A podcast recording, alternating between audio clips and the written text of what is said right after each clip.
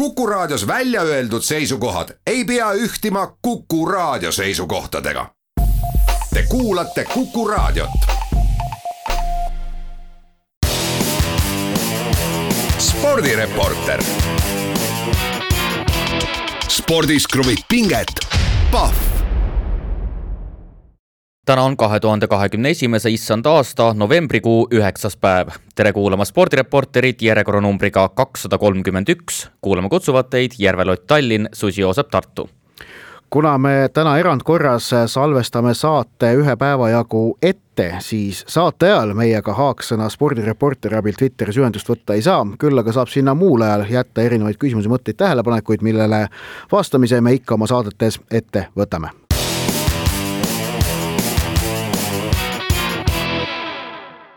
alustame aga nagu ikka kiirete ja aktuaalsete teemadega ning äh, teemaks number üks Eesti spordis möödunud nädala jooksul.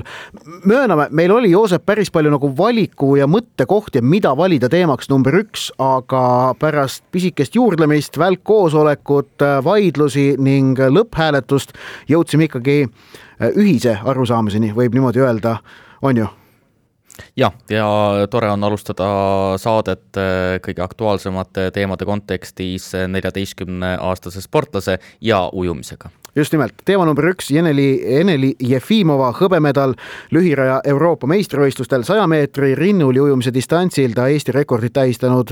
Minuti nelja koma kahekümne viie sekundiga hõbemedali võitis, tegemist on tema karjääri esimese täiskasvanute tiitlivõistluste medaliga.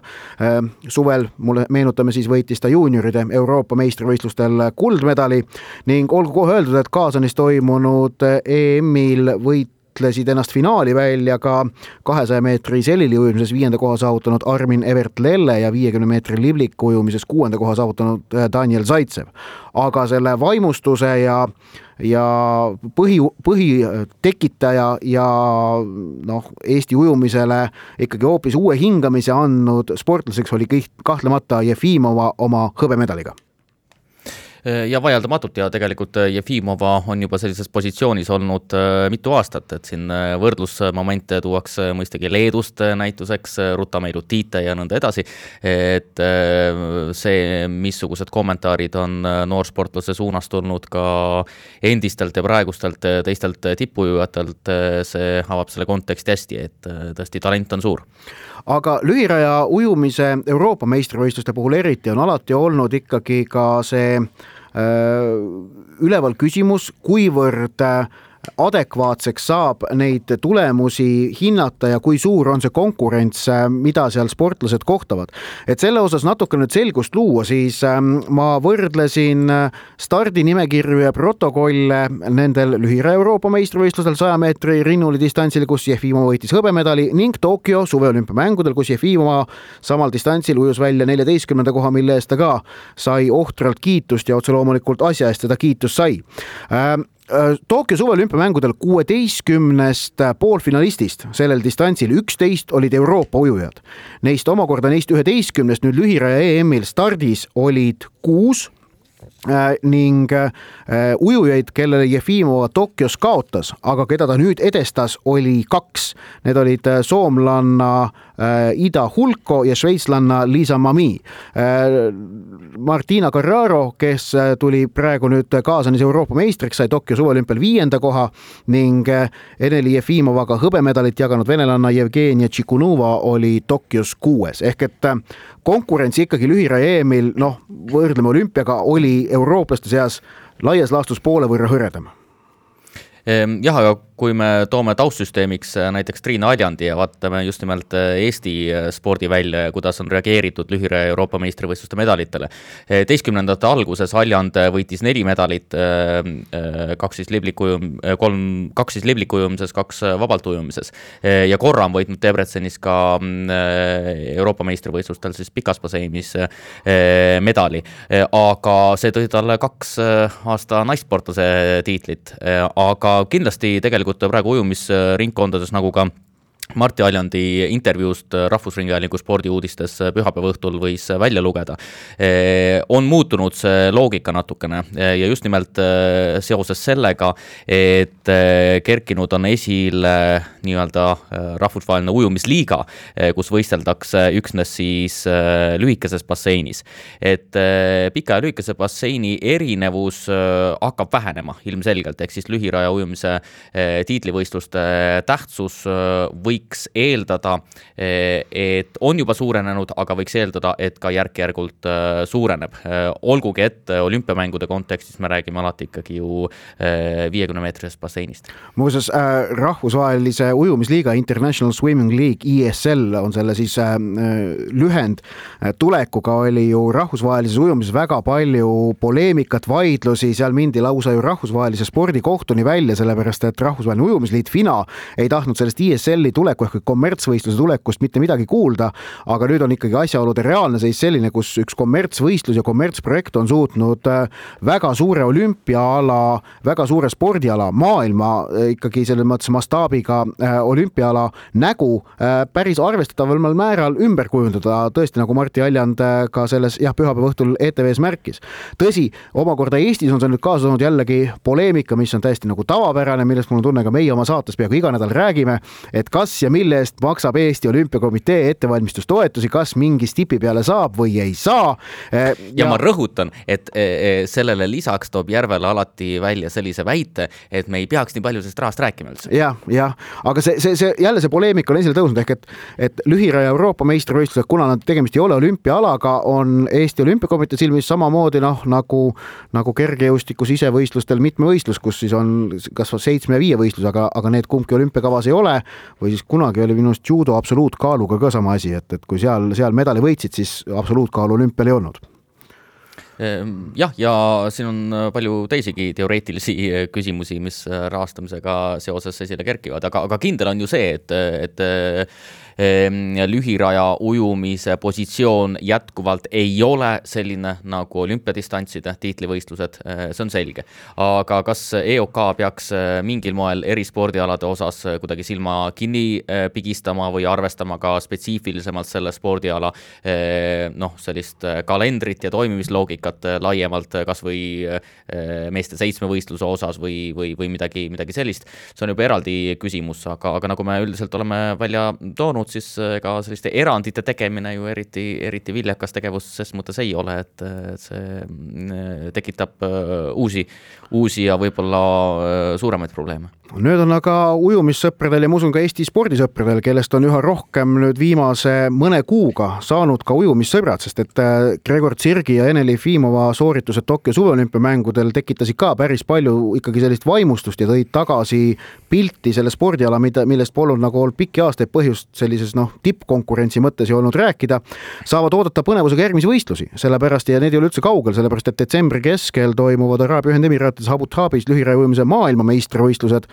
kus siis äh, peaks olema stardis lisaks Ene Jefimovale ka Gregor Tsirk jah, aga ma äh, selle teema lõpetuseks veel ütlen nii palju, et äh, Eesti naissportlaste aasta on olnud sedavõrd, sedavõrd tugev just nimelt tipptasemel tulemuste osas, et Jefimova tiitlivõistluste medal talle ilmselt aastasportlase valimisel kohta kõrgemat neljandast ei anna.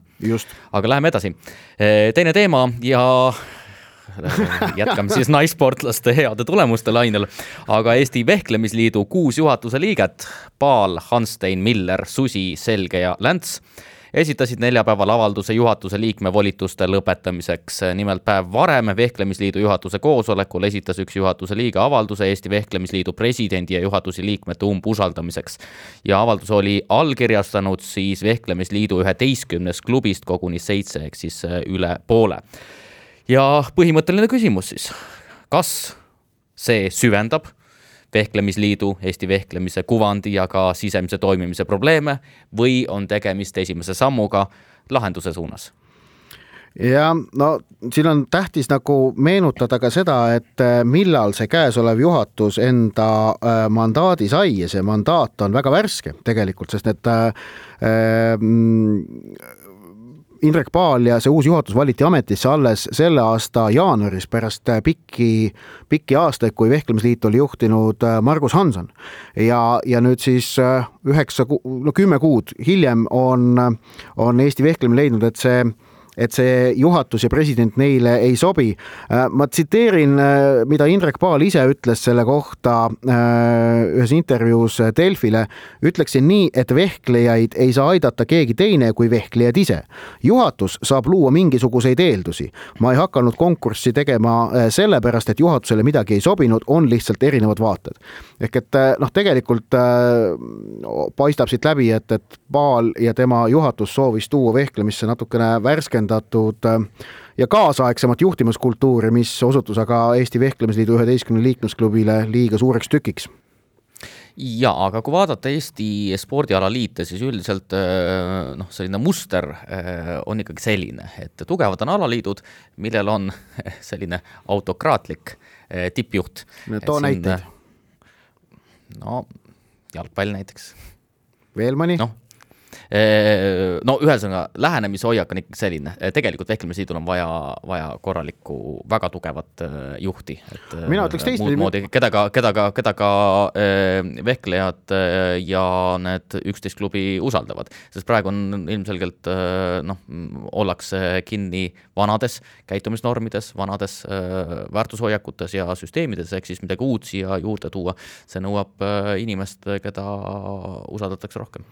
ja ma ütleksin, et Vehkel tõesti paistab, et ei ole valmis oma seniseid tegutsemismustreid muutma ja nagu me teame, senised tegutsemismustrid on toonud vehklemisse reeglina äh, päris palju sellist äh, avalikku mustapesu pesemist, äh, nii et eelkõige vajaksid vehkle, Eesti Vehklemisliit vajaks nagu targemaid liikmesklubisid, on, on vist asjaolu, mida ma siit kokkuvõtteks tahaks öelda.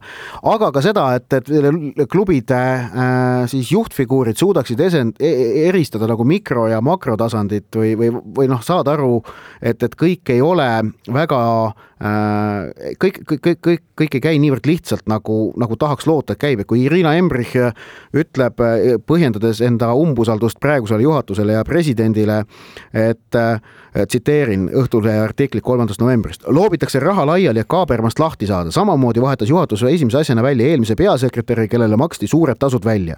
keegi ei põhjendanud midagi, eelmine tegi tööd, nüüdne teeb tööd. meil on MTÜ, peaksime toetama noori, aga raha visatakse õhku, nii ei saa asju teha, ma ei saa sellest aru. no see on, see on selline noh, minu meelest ikkagi, mm, kuidas öelda äh, suht labane kriitika. no suht labane kriitika ikkagi, ei, ei ole nagu läbimõeldud äh, kriitikaga tegemist ja, ja minnakse kohe nagu sellise kõige lihtsama rünn-, kõige lihtsamini rünnatava aspekti juurde, et, et noh, miks maksti raha kuskile, mida oleks saanud kasutada kuskil mujal. Äh, noh, kui tegemist on miljoni eurose eelarvega organisatsiooniga, tõsi, sellest miljonist enamik äh, on, on nagu sihtotstarbelised toetused, mida alaliit peab edasi suunama, siis noh, täitsa niivõrd lihtsalt seda asja vaadata ei saa. Aga läheme edasi teemaga number kolm ning jätkame siis spordijuhtimise temaatikaga.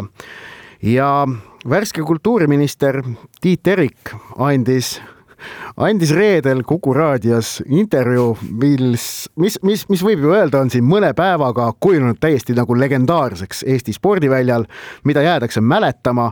ja, ja põhjus oli siis see, et, et kui kultuuriminister oli erinevatest kultuurivaldkondadest äh, jutud ära rääkinud, siis mindi jutuga ka spordi juurde ja siis suutis äh, noh, tolle hetke seisuga veel peatne kultuuriminister, ta ei olnud ametivannet veel andnud. nüüd on ta juba ametis, et suutis öelda ju, et äh, et äh, Eesti ralli populaarsuse eest tuleb eelkõige tänada kahte meest, Hõbe ja Aavat, siis seda, et Eesti aasta naissportlaseks valiks ta Irina Embrichi, sellepärast et ta läks linnavolikogust olümpiale, tuli kuldmedaliga tagasi ja ta on tubli keskerakondlane ning samamoodi korvpalli eest, et äh, kiitis Kalle Klandorfit, kes on kaks korda CSKA-d loputanud. Äh, kuigi siis noh, Kalle Klandorfi juhitud Tallinna Kalevi korvpalliklubi jäi mullu Eesti meistrivõistlustel pika puuga viimaseks ja on silma paistnud erinevate korralagedustega, mis noh, kokkusattumus on ju keskerakondliku linnavõimuga on täiesti juhuslik siinkohal, on ju. aga kokkuvõttes oli see noh, see, see pahandas nagu Eesti spordiinimesi sügavalt, et, et ja, ja, ja, ja, ja noh, okei okay,, Joosep, sina ka vahepeal, jah aitäh, Ott, et meil on kaks saatejuhti.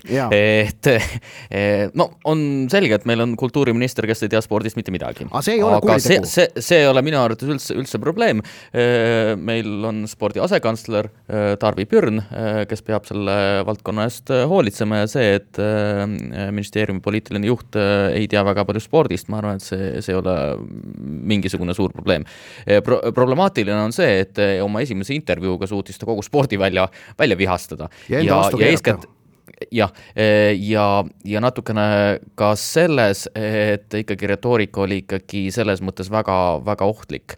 et selle asemel, et öelda, et ta pole väga täpselt kursis, hakkas ta ikkagi asja paika panema ja puhtalt enda erakonna siseselt eh, lähenes spordiväljale. Eh, nii et see on natukene ohtlik, ohtlik tendents. ja probleemid on just nimelt see, et esiteks on probleemiks see ükskõiksus, mida Terik tolles intervjuus ju üles näitas, sellepärast et kui sa absoluutselt ei ole selle asjaga nagu süvenenud, aga hakkad hinnanguid andma, siis noh, loogiline järeldus, mida inimene, kellele, kelle lemmikvaldkonna kohta hinnanguid antakse, teeb, on see, et, et äh, hinnangute andjal on tollest asjast täiesti ükskõik.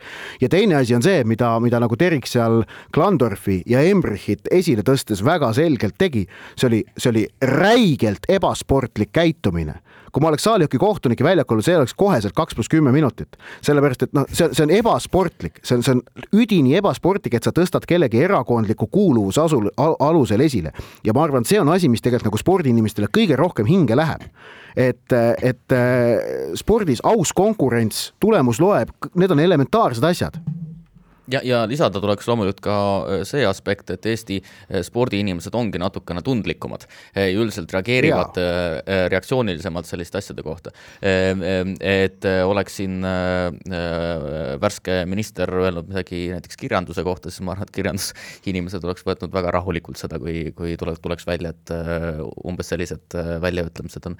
nii et eks spordiinimesed vaatavad seda ka teravdatud tähelepanuga ja, ja natukene teistmoodi. aga ja kordame veel kord üle üle selle, et, et sellest, et kultuuriminister spordist suurt midagi ei tea, et selles iseenesest mitte midagi nagu probleemi ei ole, et ei peagi teadma, et, et noh, põllumajandusminister ei pea ka teadma täpselt, et millised kalad millises järves ujuvad jah, eh, aga kui juhuslikult eh, värske eh, kultuuriminister kuuleb praegust või kuulab praegust saadet, siis ta võib-olla saab teada, et Eesti käsipallikoondis pääses kahe tuhande kahekümne kolmanda aasta maailmameistrivõistluste valikturniiril järgmisesse faasi.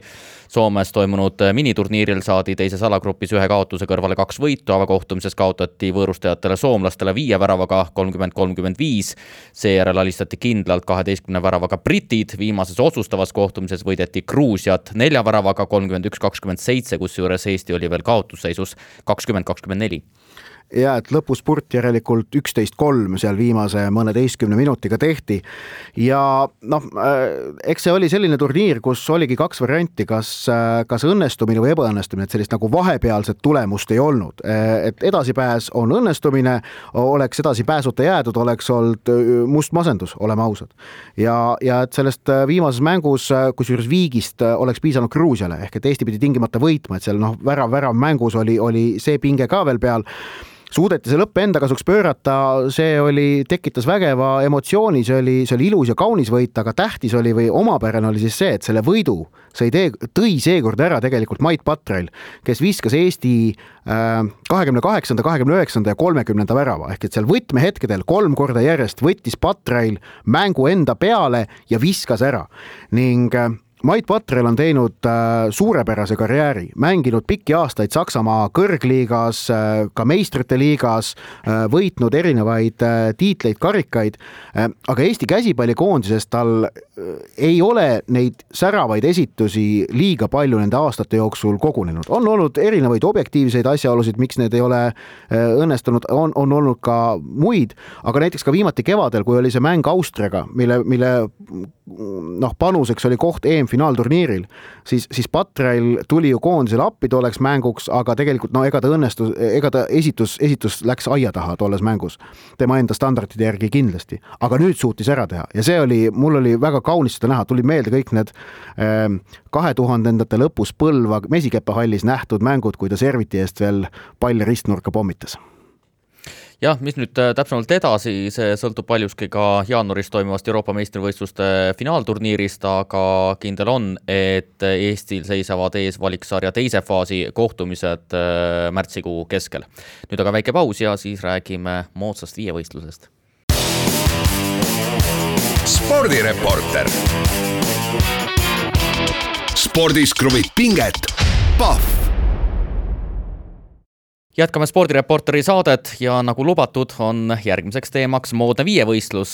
nimelt moodsa viievõistluse föderatsioon teatas neljapäeval, et ratsutamine jääb kahe tuhande kahekümne kaheksanda aasta Los Angeles olümpiamängudel viievõistluse kavast välja see otsus on tekitanud mõistagi suurt poleemikat, kuussada kuuskümmend seitse moodsat viievõistlejat, endised, praegused üle kogu maailma, eh, nõudsid eh, selle peale aga rahvusvahelise alaliidu juhatuse tagasiastumist, teiste seas ka Tokyo olümpiavõitjad aga Rahvusvahelise moodsa viievõistluse föderatsiooni president Klaus Schormann ütles veel eile, et otsus, milline ala hakkab ratsutamist viievõistlusel asendama, on juba tehtud eh, ja kinnitas, et see ei ole jalgrattasõit.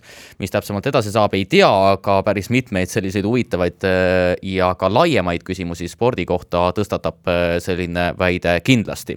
ühelt poolt juba kas või see, et üks traditsiooniline spordiala, moodne viievõistlus on olukorras, kus kus äh, viiendik sellest spordialast muudetakse ära. ehk siis see tähendab ju automaatselt ka seda, et kogu selline ettevalmistus selleks võistluseks äh, peaks olema teistsugune, eeldused selleks äh, spordiala tegemiseks on hoopis teistsugused ja nõnda edasi. ja ütleme veel, et meilegi on see tegemist ju ajalooliselt olulise spordialaga, Hanno Selg, Rooma olümpia, meeskondlik hõbe ja, ja eks Imre Tiidemann äh, olümpiamängudel nii Atlantas kui Sydneys oli tegelikult ikkagi selline noh, keskmisest suuremat tähelepanu pälvinud Eesti olümpiakoondislane, et, et ta oli ikkagi seal kõrgemas mängus pigem sees, kui ei olnud. Ähm, aga aga see, kui, kui moodne viievõistlus äh, Rahvusvaheline Alaliit sellest teada andis, äh, siis nad oma selles algses avalduses ütlesid, et et tagada meie spordiala pikaaegne tulevik ja kuulumine olümpiamängude kavva Äh, selles osas ähm, garantiisid ei ole mitte kellelgi, samuti mitte meil. ehk et sellega nad sõnastasid tegelikult ju äh, probleemi ära, et miks, miks nad seda ratsutamisest äh, loobuma peavad, kusjuures tuleb rõhutada, et siis Pariisi olümpiamängudel kolme aasta pärast on ratsutamine veel viimast korda kavas moodsa viievõistluse programmis aga muudatused tulevad siis pärast Pariisi olümpiat kahe tuhande kahekümne neljandal aastal ähm,. Ähm, no põhjus, miks moodne viievõistlus on sellele sammule sunnitud, siis noh, räägiti väga palju seal loomakaitsjatest, aga tegelikult ei, ei, ei, ei ole minu meelest põhjus eelkõige siis, siis selles, vaid ikkagi äh, rahalises äh, probleemis ja sportlikus ebavõrdsuses, mida ratsutamine on moodsas viievõistluses tekitanud.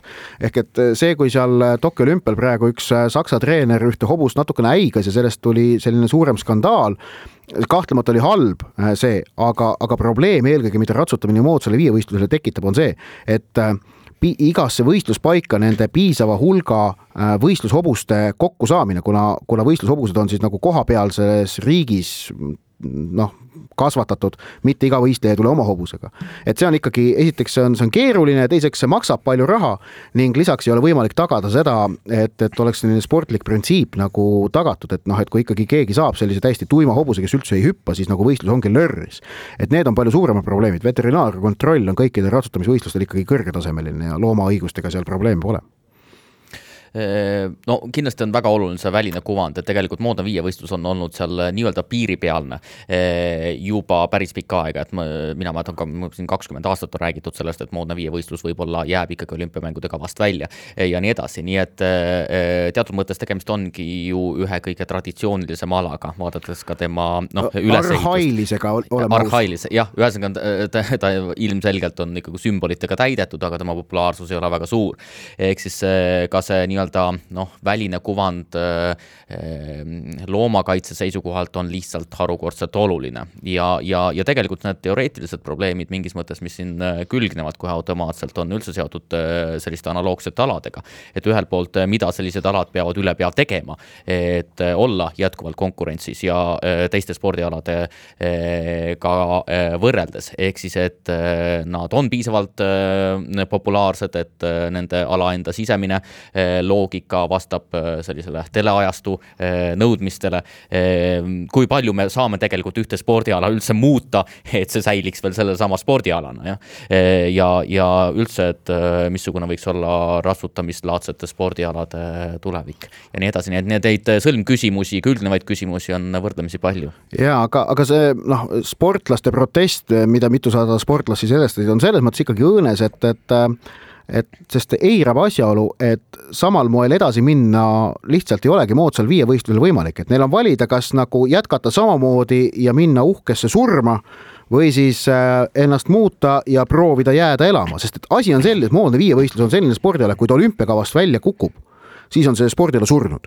no ta, ta, ta taandub totaalseks amatöörspordialaks, millel, millel kaob igasugune võimalus säilitada globaalset haaret, sellepärast et noh, kommertslikke loogikaid selle toimimise toetamiseks tegelikult ei ole peale olümpiamängude kavva kuulumise ja ma pole päris nõus sellega, minu arvates huvigrupid võivad alati oma arvamust avaldada ja ma saan täiesti aru, mõtle, et sa oled eh, tippsportlane, professionaalne sportlane, kogu elu eh, treeninud selle nimel, et saada olümpiavõitjaks eh, moodsas viievõistluses. Ja nüüd järsku seitse aastat enne olümpiat, mis peaks võib-olla sinu põhiline olümpia olema, vahetatakse üks ala viiest välja. Ja, ja tuleb näiteks välja, et on see jalgrattasõit, aga sa ei ole kunagi õppinud jalgrattaga sõitma. ehk siis sa pead selle asemel, et sa oled terve elu ratsutanud, saad järsku hakkama jalgrattaga sõitma et minu arust on täiesti okei okay., aga, aga minu arvates eh, on ka täiesti loogiline, et ala eh, terviku huvides eh, võetakse nii-öelda sportlaste kui huvigrupi esindajate seisukohti teatud koefitsiendiga, ehk siis arvestatakse ka väga palju teisi, teisi siis vaatepunkte perspektiive. aga küsimus on see, mis spordiala ikkagi ratsutamise asemel pärast Pariisi olümpiamänge vii-, moodsa viievõistluse kavva tuleb, kusjuures olgu öeldud, olgu öeldud, et, et pole tagatud, äh, isegi see spordiala vahetus ei pruugi tagada moodsale viievõistlusele kohta olümpiakavas, seda võidakse ikka välja hääletada, aga ilmselt noh, proovitakse sellega on ju ennetada ähm,. Äh, reedeses Kuku hommikuprogrammis Siiri Mihkelson pakkus väga hea variandi välja, seina ronimine ja tegelikult ka, vaat see oleks moodne viievõistlus, sa paned moodsa äh, aja kõige, ühe moodsama spordiala sinna moodsasse viievõistlusesse, see oleks päris äge minu meelest mm. -hmm. no ma siin male ei saa, ma võin sulle öelda. male, maadlus, odav ise, noh, neid variante on palju. spordireporter. spordis kruvib pinget, Pahv ja spordireporter alustab oma saate teise pooleaja ehk kolmanda veerandajaga, mis kuulub nagu ikka kuulajatelt laekunud küsimustele. Joosep Susi asub jätkuvalt Kuku raadio Tartu, mina Ott Järvela Tallinna stuudios ning alustame äh, küsimusega, mis puudutab siis äh, meil eelmistes saadetes ohtralt äh, tähelepanu pälvinud vaktsineerimisteemat ehk et Clara tahab teada. Ott Kiivikas jätkas demonstratiivselt harjutamist Sparta spordiklubis pärast seda, kui Terviseamet oli andnud asutusele korralduse uksed sulgeda.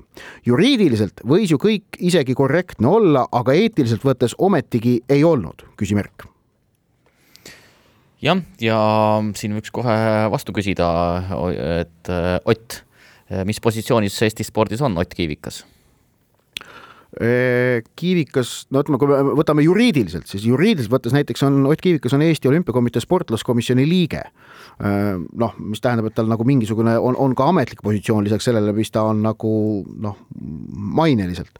aga kahtlemata ma olen nõus sellega, et, et jah, juriidiliselt ma ei ole isegi süvenenud, kas tal võis seal kõik korras olla või mitte, aga eetiliselt see ei olnud õige tegu kahtlemata, sellepärast et noh, et Sparta spordiklubile tehtud äh, need äh, sundrahad ja, ja kinnipaneku korraldused, need on ikkagi tingitud väga otseselt ühest asjast, et tegemist oli asutusega, mis eiras teadlikult, sihikindlalt, meelega äh, norme, mida, mis Eesti ühiskonnas on, on rahva tervise huvides kehtestatud, see on nagu noh, see ei ole normaalne jah, mulle ka väga paljud äh, seadused ei meeldi, aga see ei tähenda, et neid ei, ei, ei peaks täitma. et äh, siin on äh, minu arvates ikkagi selge vahe, et, äh, et, et see, et näiteks valitsuse tööga polda rahul äh, ja ei peeta neid äh, piiranguid äh, päris äh, nendeks, mis need peavad olema ja nii edasi, et see on üks asi.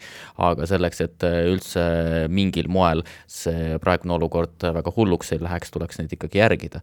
ja Sparta spordiklubi on küll ikka väga vastu vastutustundetult käitunud ja, ja, ja Ott Kiivikas, kelle positsioon, nagu sa ütlesid, on Eesti spordis mingis mõttes ka noh, teatud mõttes sümboolne ikkagi, selles mõttes, et ta peab hea seisma ka teatud eeskuju funktsiooni eest ja, ja nõnda edasi, siis see käitumine on ikkagi, ikkagi päris väär aga läheme edasi, Ken on esitanud küsimuse, kas Tanel Teinil on õigus, kui ta ütleb, et Tartu Ülikooli korvpallimeeskonna peatreeneri Toomas Kandimaa asemel pidanuks ametist lahkuma spordiklubi juht? Eh, jah ja ei, jah ja ei. Eh, kui vaadata, on ju hetkel Tartu Ülikooli meeskonnas eh, toimuvat hetkeliste või selleks hooajaks seatud eesmärkide ja koostatud koosseisu ja kõige selle kontekstis, siis oli peatreeneri vahetamine või noh, senisest peatreenerist loobumine ju loogiline samm. sellepärast et, et tõesti noh, Tartu mäng ei tahtnud toimida üldse ning noh, seesama viiekümnepunktiline kaotus Kalev Cramole, millest me eelmise nädala saates rääkisime, noh, selle sümboolne väärtus on äh, väga suur ja väga negatiivne, umbes samamoodi nagu Manchester United sai Liverpooli käest kodus null viis tappa, et siis, siis selline asi äh, noh, jätab sellise sügavama jälje, see ei ole ainult üks nagu tavapärane tulemus, sellepärast et kui sa kaotad oma sellele ajaloolisele põhimõttelisele rivaalile, siis see teeb väga palju rohkem haiget. et selles mõttes oli nagu peatreeneri noh, vahetamine ju äh, loogiline, aga, aga siis noh, kui me läheme teisele tasandile, millele ilmselt Tanel Tein tegelikult eelkõige ka viitab, on siis see, et, et äh, probleemid Tartu korvpallis ei seisne niivõrd väga mitte konkreetselt praeguse meeskonna sportlikus juhendamises, vaid äh, süsteemses loogikas ja organiseerituses või organiseerimatuses ma ei tea, kas me räägime siin niivõrd organiseerimatusest, äh, pigem räägime sellest, et äh, Tartu Korvpalliklubi ambitsioon on praegu hoopis teistsugune. kui Tanel Tein seda sooviks ja kui suur osa Tartu korvpallisõpradest seda tegelikult sooviks.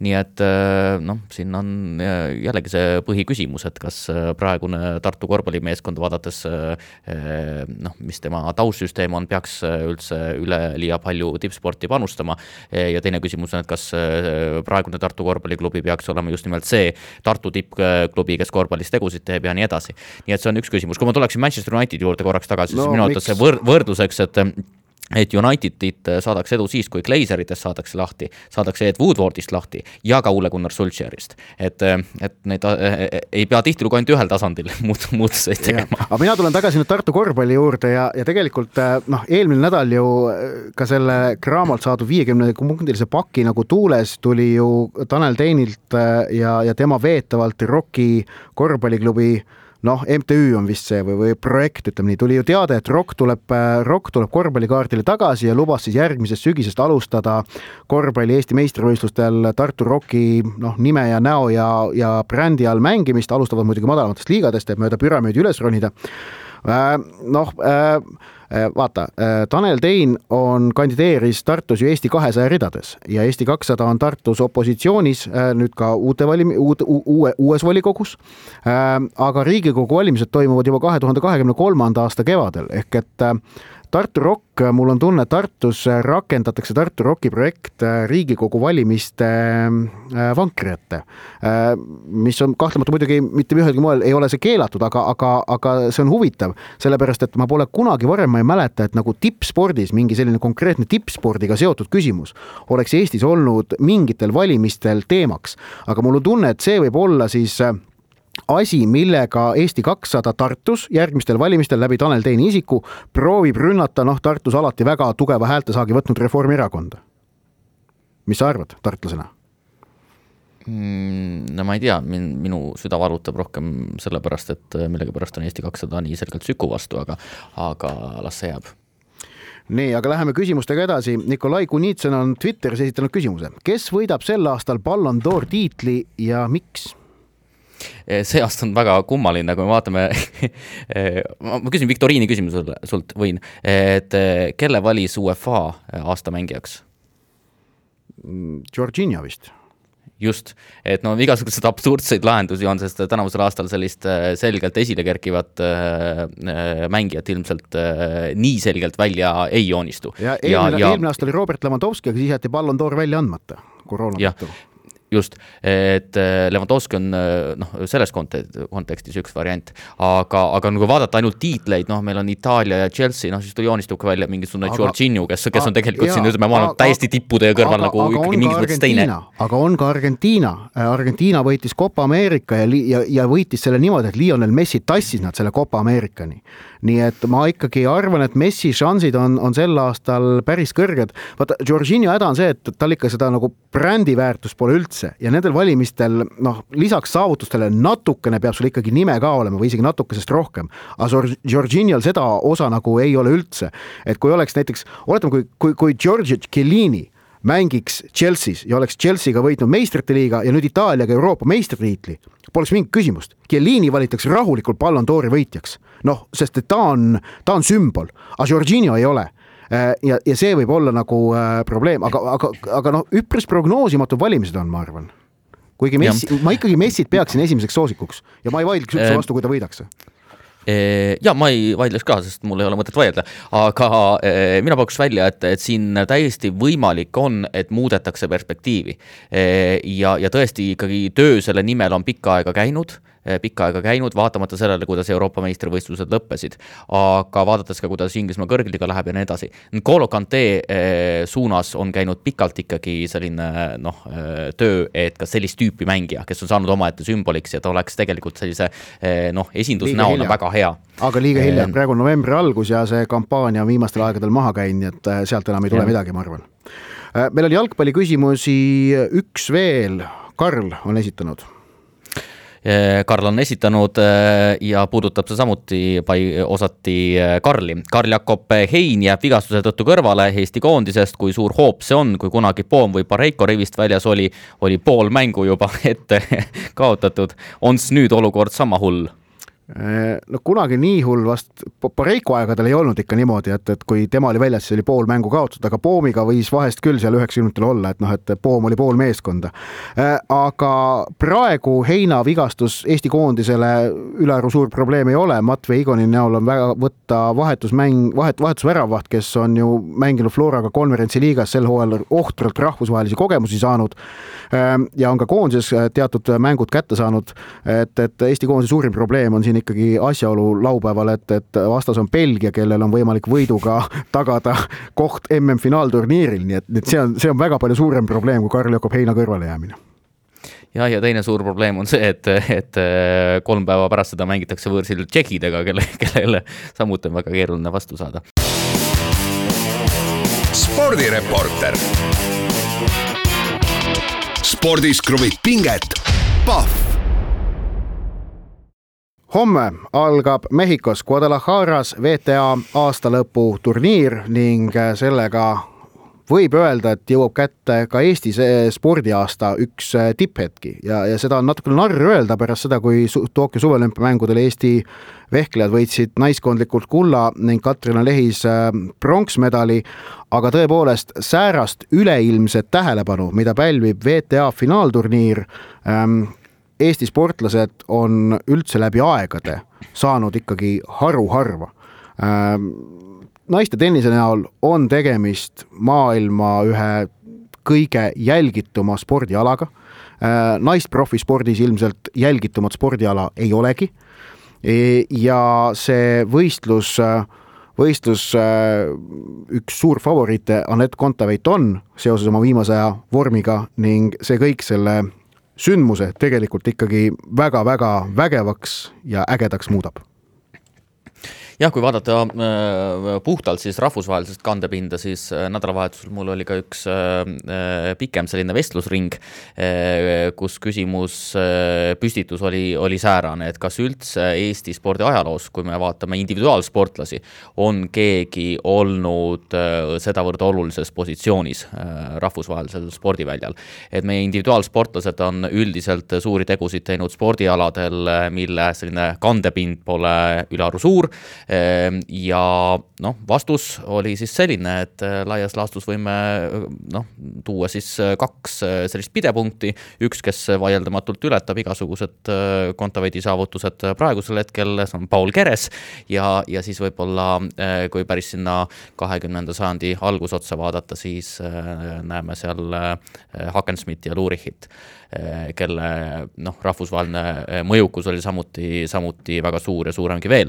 aga, aga tõesti, et Kontaveidi eh, positsioon praegu kogu maailma naiste individuaalspordis on päris tähelepanuväärne ikkagi väga tähelepanuväärne, noh, ja siis olgu öeldud, et tõesti, et, et nii, niivõrd väga, kui me ka ei tahaks, aga no näiteks autoralli maailmameistritiitel võrreldes WTA aastalõputurniiriga on, on ikkagi üpriski nii väikest tähelepanu globaalses mastaabis pälviv sündmus või saavutus? Ehm, no ja nii ja naa, ikkagi autoralli MM-sari on väga-väga eh, populaarne teatud piirkondades, et sa võid minna suvalisse eh, kohta seal kuskil Ladina-Ameerikas ja, ja ja no,, ja, ja järsku tuleb välja, et see on väga-väga populaarne. ja, ja ta on et, väga populaarne Põhja-Euroopas, aga tennis on just nimelt üks neid väheseid spordialasid üldse, mis on suutnud säilitada selle globaalse haarde no noh, see on see, et saja meetri jooks või, või noh, midagi sarnast isegi, et, et noh, et on väga vähe alasid, mida teatakse igal pool maailmas, vormel üks on ka asi, mida teatakse igal pool maailmas ja mida, mida igal pool jälgitakse, tennis on ka üks selline asi. ja, ja Anett Kontaveit nüüd seda turniiri alustab. Äh, pühapäevases ETV spordisaates tuleb kiita kolleege ja, ja eriti Tarmo Tiislerit, väga äh, huvitav intervjuu Kontaveidi treeneri Dmitri Tursunoviga ning, ning huvitav oli ka põhjusel, et, et tuli välja, et Tursunov on selline väga nagu rahuliku jutuga mees, et kui me sageli oleme harjunud nägema, et sellised tipptreenerid või, või noh, sellised väga edukad treenerid on ikkagi sellised noh, äkilised ja teravate seisukohtadega mehed, ta on, ta oli nagu väga chill läbi terve selle jutuajamise ja loed täispika jutu ETV spordiportaalist läbi ka ja, ja noh, sama chill jah, ja pik-, pikemalt siis eh, avas eh, kõigepealt juba seda, kuidas koostöö Anett Kontaveidiga algas. Ja muuhulgas käis siis välja noh, kaks sellist pidepunkti, mis mulle tähelepanu eriti pakkusid, esiteks see, et tema eelistab selliseid pikemaajalisi koostöösid, mis tähendab siis seda, et ta tahab tegelikult pikemat aega koostööd teha Kontaveidiga ja teine pool on just nimelt see psühholoogiline külg ja mõlemalt poolt, ehk siis eh, kõigepealt see, mida ta on ise rõhutanud varasemalt, et põhiline töö eh, tennisetreeneril mingis mõttes tipptasemel tennisistiga on just nimelt seotud psühholoogilise küljega, aga teiselt poolt ka see, mis ta tõi Kontaveidi kohta välja, et mingis mõttes ta on välja kujunenud mängija, aga kvaliteedihüpe on juhtunud ainult seetõttu, et ta suudab ja tahab teha otsustavaid muudatusi oma mängus, mida, mida tihtilugu tipptasemel ei taheta teha. Ootused seoses sellega, et Kontaveit on sügisel võitnud ju äh, kolm turniiri ja, ja tuleb siia äh, järjestikuste esikohtade pealt äh, Moskvas ja, ja Cluj'is, on selles mõttes kõrged, näiteks Martina Navratilova, endine maailma esireket, arvas, et et, et, et Anett Kontaveit on selle turniiri suursoosik ning muuseas, kui vaadata kihlveokontorite koefitsiente, siis Kontaveit on sellel turniiril soosik number kaks, et Arina Sabaljenkat äh, hinnatakse, tema šansse hinnatakse kõrgemaks, aga Kontaveit oli kohe nende järel. Äh, võimalik, et selleks hetkeks, kui saade eetrisse jõuab, on juba loosimistulemused selged ja alagrupid selged, praegu meil neid käepärast võtta ei ole ja sellepärast me nüüd ei oska veel öelda, millal täpselt Kontaveit oma esimese mängu peab ja kellega aga, aga selge on see, et, et ega vorm määrab palju ja noh, hetkevorm peaks Kontaveidil olema hea jah, ja äh, seesama Navratilova võttis ka teised ette, ehk siis kaheksast osalejast tegelikult kuus teevad äh, debüüdi.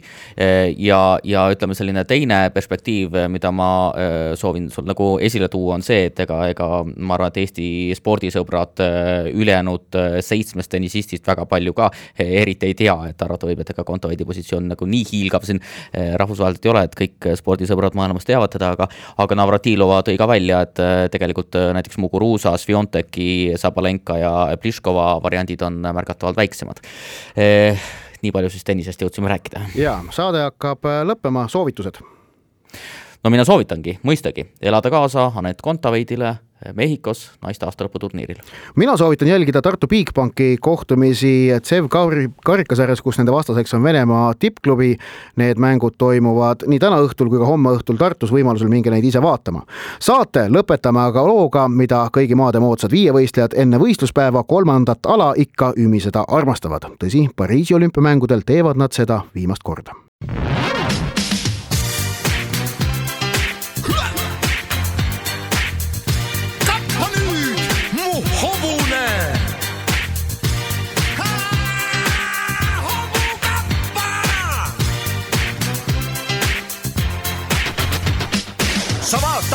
Kuidas tolmab tee, kui kappab minu hobune. ta kasvult päris tilluke, kuid kappab nagu segane. ei saa normaalne olla see, aga ta on, sest ta on minu hobune. mu hobu loomult pöörane ja ta on armas minule. mu hobukarv on sinine ja nina tumekollane. kui näeb, et kuskil jookseb tee, siis kohe kappab pöörane.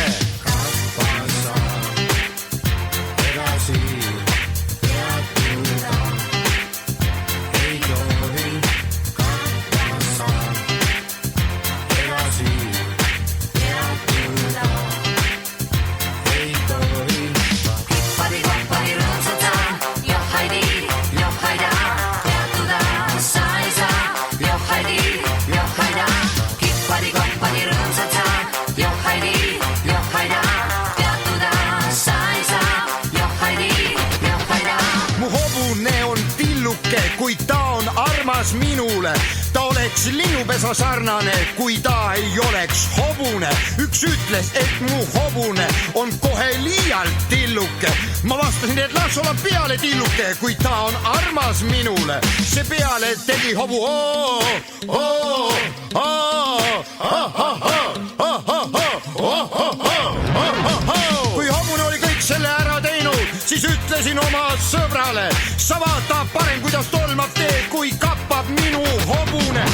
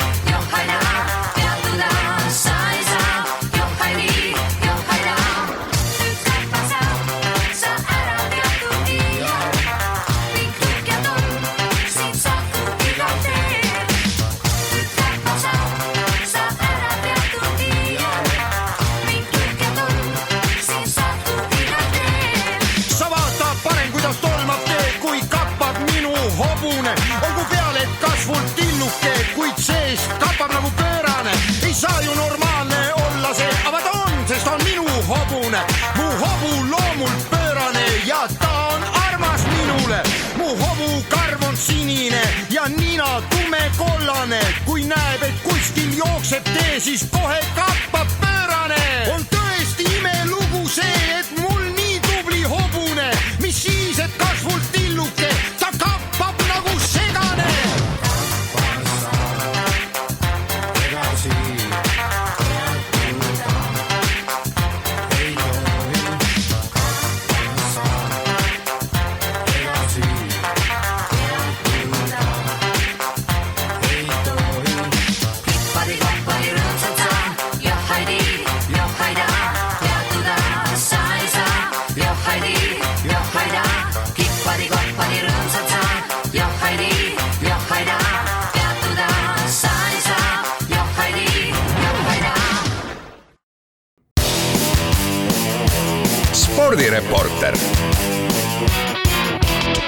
spordis kruvib pinget, Pahv